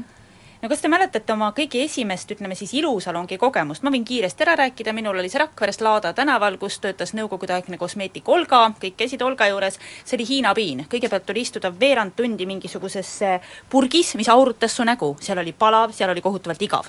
siis võttis Olga mingisugused tangid ja näkitses su näo niiviisi üles, siis käidi mingi elektrilise pulgaga, siis käidi veel mingisuguse asjaga, see võttis aega kõik pikalt ja pikalt ja kui ma ära tulin ja vaatasin seal ees salongis peeglisse, siis ma karjatasin, sest ma olin näost üleni punase täpiline, ta oli ärritanud kõik poorid mõnusasti ülesse. See jäi viimaseks eh, kosmeetiku näopuhastuskogemuseks tükiks ajaks. mul on täpselt samasugune kogemus, see ei olnud küll Rakveres, oli Tallinnas, ei olnud Olga, oli keegi teine kena naisterahvas, aga jah, peale seda kadus igasugune ind tegeleda iluprotseduuridega nagu jala pealt. daamid, kuidas teiega lood on? jaa, täpselt sama lugu, Tartu teenindusmaja ja, ja kõ- kõik tuleb ette, et kuidas kümme tädi istusid reas, siis see mingisugune aurav asi võeti mingist suurest tünnist välja ei, ei olnud tore. Ma arvan, et need Olgad vist töötasid üle Eesti, sest no tõesti täpselt sama oli. et äh, panid oma näo sinna auravasse masinasse ja, jah. ja sinna purki just ja istusid seal ikka kümme-viisteist minutit ja niimoodi noh, aga nüüd need ajad on möödas. aga kas te peale seda siis teist korda läksite veel tagasi, kas te tundsite, et te olete ilusad peale seda? No ikka läks kuus-seitse aastat kindlasti mööda mm. -hmm. et see on see keskmine taastumisaeg on niimoodi kuus-seitse aastat peale Jaa. protseduuri, siis proovid järgmist. aga siis oli õnneks aeg edasi läinud mm, -hmm. ei Mhm. pidanud oma nägu enam purki toppima no nii. natuke inimlikum aga muidu igapäevaselt või noh, igapäevaselt seda küll mitte, aga ütleme, regulaarselt käite näohoolduses? seda vist regulaarseks minu puhul küll ei saa nimetada. siis, kui tuleb meelde, siis Ahah, käid. täpselt. jaa, mul ka regulaarselt, pigem kipub see niimoodi olema, et kui keegi mingi kinkekaardi kingib, mees mõtleb, et on on nüüd hea ja kingib mulle kinkekaardi, siis ma lähen käin kuskil näohoolduses, aga noh, tänapäeval tegelikult on see ju mõnus, et sa, sa ikkagi Ahah. näedki kena välja pärast, on ju, aga vot praegu mul meenub, et ma vist käisin teadlikult üks kolm nädalat ennem oma abiellumist Aa. et, et siis, siis olla selline klaar, aga, aga rohkem küll niimoodi on väga-väga juhuslikud korrad olnud. Ma pean ausalt tunnistama, et mina ei ole peale seda esimest korda rohkem siin läinud. oma jalga tõstnud üle näohooldusele või? ei aidanud seitse aastat, ei aidanud neliteist, sellest on palju aastaid möödas, ei ole ma meelt muutnud. no aga sa mine mujale, olemas on ju nii palju asju. on, vot minu põhiprobleem on äh, nende igasuguste hoolduste ja asjadega, et kui ma võtan selle lehe lahti, siis see kõlab nagu Hiina restorani menüü, mida ei ole eesti keelde tõlgitud. et ma tegelikult ei, ei saa aru, mida mm. -hmm. mulle pakutakse, seega ma ei tea, mida tahta. kas, kas keegi oskab mulle soovitada äkki midagi, et mida ma võiksin tahta? mina ei oska sulle midagi soovitada, aga mind annab alati ära osta sõnadega šokolaadihooldus, kullahooldus, sellised märksõnad. oled proovinud? ei ole aga, aga selles mõttes, et kui ma näiteks mingisugust kreemi või maski ostan, see on mu töökaaslaste hulgas juba selline na-, naljanumber, et siis kõike, mis on kullaga, võib mulle pakkuda. no nii. Neid ma oskan isegi häid soovitada. minu puhul on täiesti vastupidi, kõik, kuhu on midagi sisse segatud, siis see tundub mulle selline odav trikk, ma tahan, et mul oleks ilus, puhas, looduslik, et oleks värske, et oleks selline mõnus, et kui on juba kõik asjad sees, noh, ma võin neid vahel katsetada, aga aga ei. kui ma lähen massaaži, siis tavalisse massaaži, mitte šokolaadi mähiseid saama või muud sellist. kui Oi. ma tahan näkku endal midagi, siis ka puhast. kuule tead, Marit, ma tegin vahepeal mingisuguse lehe lahti, täiesti suvalise ilusalongi lehe ja ega tead, kõiksugu asju on olemas, eks ole ju, noh. on olemas äh, klassikaline näopuhastus, Ekspress näohooldus, ultraheli näopuhastus, hiroteraapia, hiromassaaž. mis asi on hiro? tarsenvaliseerimine kes teeb seda? algi, alginaatne näohooldus, BDR näohooldus, ossaraks ja seljahooldus, sellest ma saan aru. seljahooldus, ma kujutan ette, käib nuustikuga ei, mina arvan, et ei käi. Kui altid te olete katsetama selliseid erinevaid asju, mina olen küll, tõsi küll, nooremana rohkem, aga kui ilmus jälle mingisugune uus tore asi, mida ma tahtsin proovida, siis ma olen käinud ühe korra tselluliidi massaažis, kus mind mähiti kilesse, see võttis ka jälle kaks tundi tuli kuskil lebotada ja siis ma rohkem ei viitsinud minna, siis ma olen eh, käinud ühe korra depilatsioonis, ühe korra on mulle paigaldatud need naaritsakarvade stripsmed Oo., kuna seda tegi algaja ja ma läksingi talle nii-öelda õppevahendiks, siis see võttis aega neli tundi. mul oli selg väsinud, mul olid silmad punased ja valusad, aga noh, need ripsmed ma sain ja ühe korra käisin hoolduses ja siis ma jälle loobusin sellest. nelja tunniga võib saada lamatised. ma arvan, ma sain, ma saingi, aga et eh, kuidas teil on, olete proovinud asju, noh ikka no, turg on ju lai, üüratu turg on lai jaa, aga ma arvan ka, et need proovimised jäävad rohkem ka sinna nooremasse aega, et äh, praegu vaata enam ei taha nii väga kõike endale juhuslikult peale mätsida või lasta endaga eksperimenteerida. aga nooremana kindlasti igasuguseid asju, kilesse mässinud olen ma ennast ise, saunalaval istunud, nagu väiksed vorstikesed istusime sõbrannadega, väga ebamugav on istuda. kuidas alla saite sealt? Ütleme nii, et ka ülessaamisega oli raskusi ja ka istumisega oli raskusi, et veeretasid ennast niimoodi kergelt sinna peale ja siis, kui juba noh, istusid, pärast veeretasid ennast jälle alla niimoodi. noh, alguses oli hästi lõbus, pärast oli hästi halb ennast ära võtta. aga kas, kui te selle nagu vaeva ära nägite, ennast kilesse mähkisite, saunas ära istusite, kas te siis nagu tulemus. midagi tulemus oli või te lihtsalt kujutasite endale ette, et vot nüüd on ikka palju parem? mõõtsite või? Me ei mõõtnud, ütleme nii, et see veekogus, mis sealt tuleb, on ikka hämmastav. aga kui sa ikka pärast sauna tahad võib-olla ka võtta ühe õlle või sinna sauna kõrvale mõne juustu võtta siis... seltskonnaga, siis no ei ole suurt mõtet. et lihtsalt oli korraks naljakas. et ma ei, ei oska küll soovitada ausalt. kui mina nüüd õigesti mäletan, mul üks kolleeg mõõtis sama, sama mm -hmm, asi tegi ennast viineriks ja läks saunalavale ja ja noh, natukene hakkas pilt ära minema ja kõik kõik värgid, aga, aga kaks kilo läks alla. Et selle ühe saunas käiguga, et noh. aga see ei osutunud piisavalt innustavalt, et te iga nädalavahetus seda ilmselt oleks proovima hakanud? no tema oligi selline, et tema prooviski igasuguseid Aha. asju, nii et siis tuli ilmselt mingi uus mõte peale, mis, mis pilti eest ära ei võtnud ja, ja jäi sinnamaale, et eks, eks neid kilesse mässimisi ikka on ju proovitud, et aga Merle, sina oled ju naiste ajakirja juures tööl, mis tähendab seda, et igasuguseid võimalusi katsetada ilm, erinevaid ilusalongide teenuseid ilmselt sul on olnud?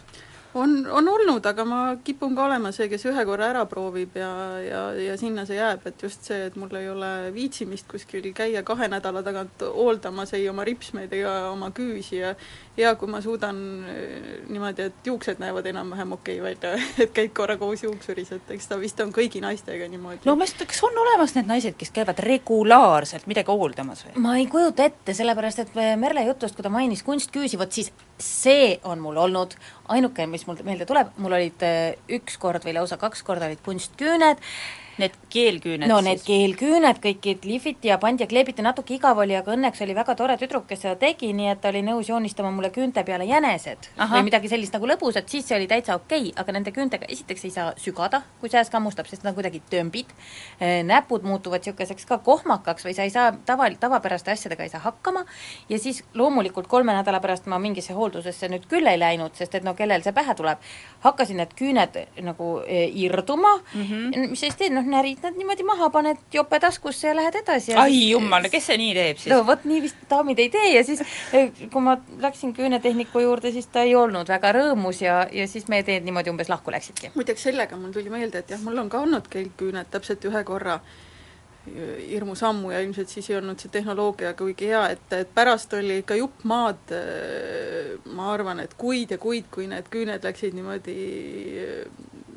kuidas, kuidas öelda, et kiht-kihilt hakkasid maha tulema pärast sest seda. sul ju küünt, eks ju, enne ju te, noh, et ta õrnatakse karedaks niisuguseks. aga mul meenus, et üks nüüd aasta-kaks tagasi, aasta tagasi tuli küüntel mingi järjekordne uus tehnoloogia, nad ütlevad seda vist no ühesõnaga, põhimõte on see, et see kuskil salongis lakitakse ära, nad on sul paar äh, nädalat peal ja kui läheb koledaks, siis sa saad selle laki nagu nii-öelda ise maha võtta, on ju. see, mida mina tegin hammastega, see tehnoloogia. Mis muidu oli tegelikult selles mõttes hästi ilus, et äh, oligi, noh, ta kasvas välja ja lakk oli selline kogu aeg selline läikiv asi ja võtsid ära pärast maha ja jõle mugav aga sama lugu, et, et siis nädala pärast sa vaatasid, mis su küünest seal all, alles oli jäänud, oli selline kollane ja hakkasid jälle kihid maha tulema ja ma ikka väga kaua, mul on muidu hästi tugevad küüned ja ma ikka väga kaua võitlesin selle tagajärjega, nii et noh, las ta siis jääda jälle sedapuhku. vot tavaline küünte lakkimine on, on ainuke iluprotseduur, mida ma tõenäoliselt suht regulaarselt teen ja ainult sellel põhjusel ja kevadise, kevadsuvisel perioodil, et kui sa oled näiteks porgandeid harvendanud ja küüne alused on niisugused tumedad ja see päris puhtaks ei lähe, kui sa just käsitsi pesu ei pese hommikust õhtuni, siis tume küünelakk aitab varjata suurepäraselt mullarante. aga tead, kuidas aednikud selle vastu võitlevad? ei. meile jagas üks, üks tore proua, kes on tõesti eluaegne aednik olnud, töötabki aednikuna, tema teeb, paneb seebi tõmbab majapidamisseebi küünte alla. see kõlab kuidagi vastikult ja pärast siis peseb seebi maha ja küünealused on puhtad suurepärane. no keelküüned on minul ka ikka mingi periood olnud, aga see nagu oli, ei jäänud ka väga pikaks perioodiks, see oli küll vahel panid ja vahel ei pannud ja vahepeal tundus, et lapsega äkki on mugavam ja siis jälle ei ole niimoodi. aga enne, kui tulid keelküüned, siis oli periood veel kuskil seal keskkooli lõpus, ülikooli algusaastail, ei äh,, täiesti kunstküüned, mis peale kleebiti mm. -hmm. Need said poest osta ja siis vajutasid ja, kinni niiviisi. ja siis oligi nii, et kui endal olid tuge ilusad pikad küüned ja kui mõni murdus ära, ega sa ju ei, ei pannud ju, ei lõiganud teisi maha, sa panid selle asemele kunstküüne. ja siis oli juhuseid, kus niimoodi läksin, kohendasin haiglas äh, lebavat onu ja siis, kui käe välja võtsin onu selja alt, siis vaatasin, et ka seda ühte küünt ei ole seal. ja siis ma niimoodi veerand tunni pärast läksin, kohendasin uuesti onu ja siis kobasin selja all võimalikult tugevalt, et leida oma kadunud küüs üles. kleepisin pärast tagasi, ei olnud hullu. väga ilus sai. jaa, väga hästi sobis, kõik oli hästi. jumal tänatud, et sinna padja alla ei jäänud. ega neid kleebitavaid küüsi on siiamaani kõik poeletid täis, aga mm -hmm. tänapäeval on see selline kümne-üheteistaastaste tüdrukute pärusmaa, et no meie saime nüüd ripsmete kleepimist harjutada. see oli väga otsas süda hu-, väga huvitav kogemus, et panna endale nagu liimi silma ja siis kleepida endale sellised ikka päris mitme sentimeetrised varikatused silma kohale, no ei olnud see lihtne töö, ei näinud see väga hea välja, see kõik oli niisugune kergelt noh, ma, ma ei saa, kuidas ma ütlen viisakalt, me olime nagu mingid töötavad tütarlapsed. töötavad tütarlapsed jah, et see ei aga kusjuures tõesti ei müü-, ei neid ei müüdagi ju karnevalipoes, need olid kaubamajas. et, et noh, need no, et neil, neil on turg olemas. sama mõistusega, eks ju, lähedki, võtad, et, et kui ma nüüd tahan kunstiripsmeid, siis ma võtan need kõige suuremad ja kõige silmapaistvamad, et mina olen teinud selle vea ühe korra, noh see, see üks ja ainukene kord, kui ma lasin need kunstripsmed endale panna, et mulle tundus, et no silm võiks ikka ilmekas olla. ja, ja kuidagi see tehnika vist ei olnud nagu noh, selles mõttes, kas ta ei julgenud mulle soovitada või midagi, jah, põhimõtteliselt jah, et ikka kulmudega nii, aga noh, muidu veel okei okay., aga hommikul no. oli selles mõttes, et saad sa aru, kui sa oled muidu sellist noh, ikka ärkad ja selline plass ja äkki on sul selline noh, selline proua vaatab vastu sealt täiesti nagu selline täismeigiga, et, et see iga hommik oli selline üks ehmatushetk seal peegli ees ja siis tuli meelde, aa, mul oli see, õnneks nad ka üsna pea kukkusid ära, et, et aga kui teil on, ripsmed on kulmudeni, siis öö, ma olen aru saanud, et kammimata kulmudega ei tohiks daamid isegi mitte hommikuti kodust välja minna. me lugesime, et kulmud tuleb ära kammida ka spordisaali minnes. jah, kuidas teil on lood kulmudega? jälle võin öelda, et praegu on tegeli-, tegelikult ju naturaalsed kulmud hästi moes ja kui te olete vaadanud Aa, pilte, siis on sellised tippmodellid ja ja trendisuunajad käivadki sellised hästi, hästi paksud, puhmas ja sa-, sagivad, noh et te olete täiesti õigel teel, jah. aga, aga noh, selles mõttes, et ei, ei mina ei kammi ja ja tore, kui tuleb meelde, et võiks nad ära kitkuda, et natukene mis neist kitkuda, las nad olla? no kui, kui sul pärilikult on ikka selline Brežnevi yeah. kulm siin niimoodi silma peal, siis ühel hetkel väga ei meeldi. aga kulmude kitkumine on ju valus. on. harimise asi. ja, ja noh, lisaks sellele see vist oleneb ka, ma, sa teed ise või? sest et mõni on ka väga ei hea ka käega kitkuja, et mõni teeb rohkem haiget, mõni vähem ja ei, see on üks väheseid asju, kus mina ikkagi regulaarselt ka käin, et see on, esiteks on nagu mõnus, viisteist minutit viskad ennast korraks pikali ja siis keegi niimoodi teeb ja üldiselt harjud ikka ära sellega, ei ole hullu. ja pealegi ta ju ilusti pärast värvib sul ära ka ja siis oled nagu noh, see on nagu silmad. ilus värske ilme tuleb ja kohe. kas seda ohtu ei ole, et kui sa viskad sinna niimoodi veerand tunniks pikali, tõused püsti ja ootad, ohoo, üllatunud panda vaatab sulle peeglist vastu? No minuga õnneks ei ole juhtunud aga kindlasti on neid, ütleme nii, et olen näinud küll. jah, et mul on ka kogu aeg see hirm, et ega mina ei julge ennast nüüd küll kellegi kätte usaldada, et Kusjuures lähed jah. sinna, pärast oled hoopis teist nägu. tead, ei, ei ole nii hull midagi, mul hiljuti ka üks, üks tütarlaps, kes kulmud ära väris, minu meelest oli täiesti normaalne ja vend rahustas mind ka, aga mu mees ja poeg vaatasid mind kogu aeg niimoodi, et sa näed nii võõras välja, kas see ikka läheb ära, kas sa jäädki nüüd selliseks? sa ütlesid jah, jäängi nüüd selliseks, harjuge ära. Kas on, minul oli sõbranna, kes äh, leidis, et mingi hetk, et hästi nagu halb on nii tihti käia neid hooldamas ja et ta nii palju raha peab andma, siis ta ostis endale need kodused vahendid. oi, kodus teeme ise on alati tore. oi, see oli vahva, sest et ta küll tahtis meie kõigi peal seda proovida, aga me ütlesime, et las ta harjutagu kõigepealt enda peal. ja siis ta harjutaski, ütleme nii, et, et noh, ka Brežnevil ei olnud selliseid kulme, mis sealt tulid aga mis ta tegi siis? no ta tegi ikka sellised tumedad ja mõnusad ja paksud ja ta, ta ise nagu ütles, et natuke läks küll iial, aga ma paningi rohkem, et ei peaks nagu liiga tihti tegema. ja ta ise nagu aga ta ise jäi rahule? ei olnud ta- seda paanikat, et pesi et nägu ta- pärast, pärast kogu ei, aeg? ta nagu tunnistas, et võib-olla tuli tsipatume, aga üldiselt ta nagu ei mõistnud, miks me naersime ta üle. aga noh, eks see kulus ka nädala-paariga ära, et ei olnud hullu. no vot see, kui paari nädalaga ära kulub, on täitsa hea, sellepärast et tänapäeval tehakse ka väga tihti püsimeiki, mis ei kulu paari nädalaga ära. ega te ei ole seda kas keegi on proovinud? see kõlab valusalt.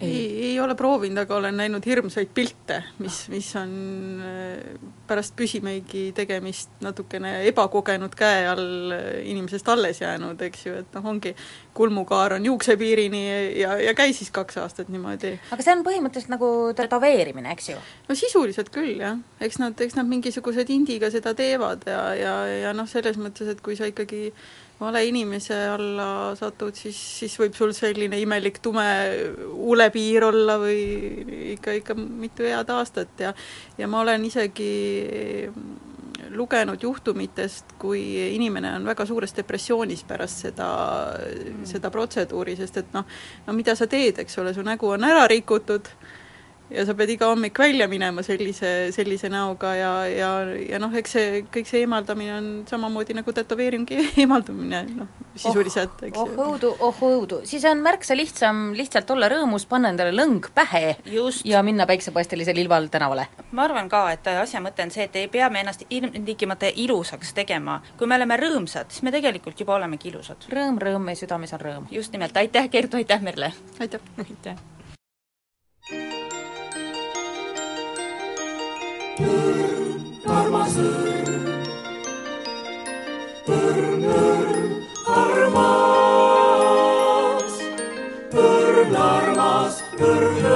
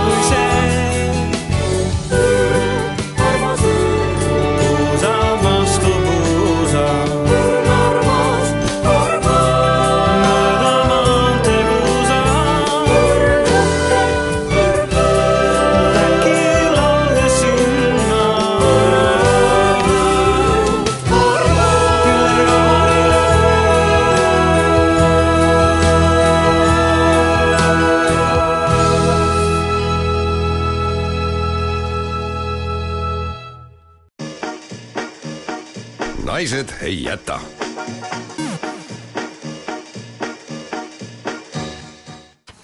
meie saateaeg hakkab jälle otsa saama ja meil on nii, nii, nii palju veel rääkida, et ma ei tea, kuidas me sellega hakkama saame.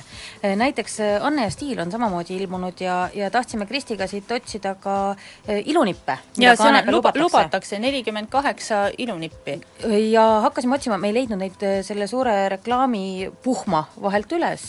See on natuke jah, selline, mul väsisid käed ära ja seda aga ajakirja lapates, aga üks tore koht on seal, väga tore koht on üks. väga tore koht on siin, lõpuks ometi on jõudnud naiste ajakirjadesse selline rubriik nagu Värvi ise, siin on mitu-mitu-mitu lehekülge hea katmata paberi peal sellised paksemad lehed kohe, kus saab värvida, praegu ma tean, et mandalate värvimise raamatud on väga popid, nii et lõpuks ometi midagi ka meile. väga tore, väga tore. siis me tahaksime rääkida sellest, kuidas me hommikul nägime ühte toredat autot meie seismas, sõitmas ja eh, hommikul sõit, sõidame meie rahulikult eh, toimetusse ja meie ees vurab auto, kuhu peale on kirjutatud linnuabi. hurraa, mõtleme meie. olime nii rõõmsad, ometi on koht, mis aitab lindusid, kui kurg kurvastab. kui on kiivitajal mure. jah, kui kellelgi tiib on nõdraks jäänud. jah, kui keegi ei leia pesakohta. just, ja et... siis me mõtlesime, et see meie käomaja me See- saame sinna annetada selle käomaja või siis alustada koostööprojekti ja Kristi kohe asus sõidu pealt niimoodi guugeldama, mina, tegin- mina roolisin. jah, tegin lehe, ja Kristi, tegin lehe lahti. Ja näen. Hinnad, teenuste hinnad, lindude püüdmine alates seitsekümmend eurot, lindude põle-, peletamine, mitte põletamine, peletamine, hind kokkuleppel, linnupesade likvideerimine, väljakutse, et öö, ei olnudki see abi. see ei ole väga kena teenus, sellepärast et noh, kus sa peletad siis? jah, linnu minema. ja, ja küsimus, kas on linnukesel muret? nüüd on. linnuabi on linnukese mure selline kole mure. aga nädalavahetusel, kui inimene ikkagi linde armastab ja loomi ka, siis on äh, täna Estonia kontserdisaalis aasta, loodusaasta fotokontsertgala, meie rohke debelak on seal ka äh, konverentsier, kell kolm hakkab pihta. äge, aga täna. Hiiumaal, Suuremõisa lossis antakse Hiiumaale üle rändkahvel. kahvel, mis rändab? no rändkahvel jaa, ja mina es-, esmalt mõtlesin, et kas see on väga hügieeniline, kui, kui selline kahvel rändab ja siis antakse ühele, antakse teisele. no vast pesevad ära vahepeal samas on ikka. karikaga on sama, et Jah. kui on rändkarikas, et siis öö, üks joob, teine joob Nad ei joo nendest karikatest, rändkarikas antakse, pannakse klaasi taha, siis kõik vahivad seda, ma küll ei tea, joovad sealt seest või? ma olen näinud valavad mingi- veini täis pilgeni selle rändkarika ja mingi ralli lõpus ma olen näinud, et on šampanjat valatakse sinna sisse ja ma ei, minu ema ei lubanud mul nüüd gaseeritud vee automaadist juua, kus olid need rändklaasid, Rändklaasid. et ja nendest ma ei tohtinud juua, kui ma väike olin, ma olin väga õnnetu selle üle. nojah, aga vaata, rändkahvel on hea kerge kinkida, rändrahn, no sa enam ei kingi ju, see Rändrahn. rändas ära oma rännakud ja on nüüd paigal. suur ja ja aga raske. neid lauanõusid rä- rändavaid on ju teisigi, et näiteks lendav taldrik. rändab, rändab taldrik. rändav taldrik võiks olla. meie kapist siit rändavad alatasa nõud kuhugi ära ja me ei teagi, kus nad on. sellepärast, et nad rändavad taldrikud. jah, ja kahvel on juba Hiiumaal. ilusat äh, laupäeva, ilusat äh, volbriõhtut ja neil, neil, kellel tervis jääb sisse, ilusat volbripäeva ka. tehke ennast ilusaks. tehke ennast ilusateks nõidedeks. kohtumiseni ma olin juuksurist täna jälle, täna pool päeva. ja olin maniküüris täna jälle, täna pool päeva. ja solaarium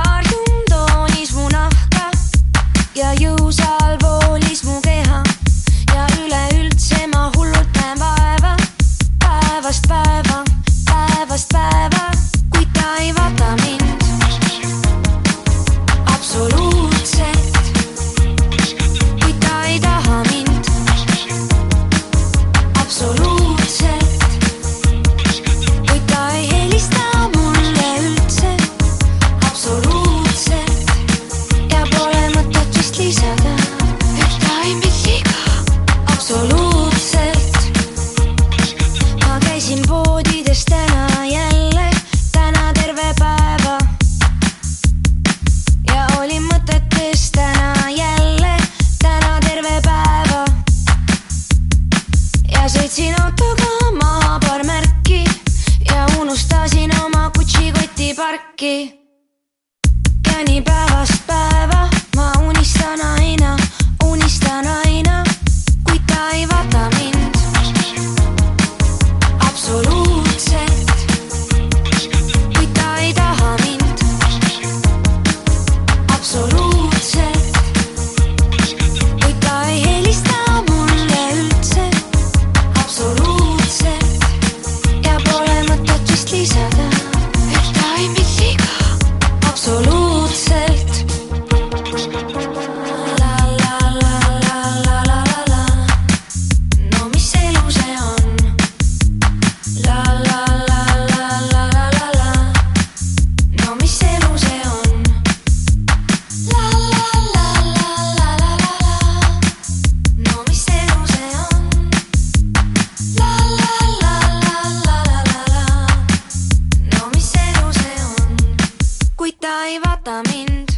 Exit e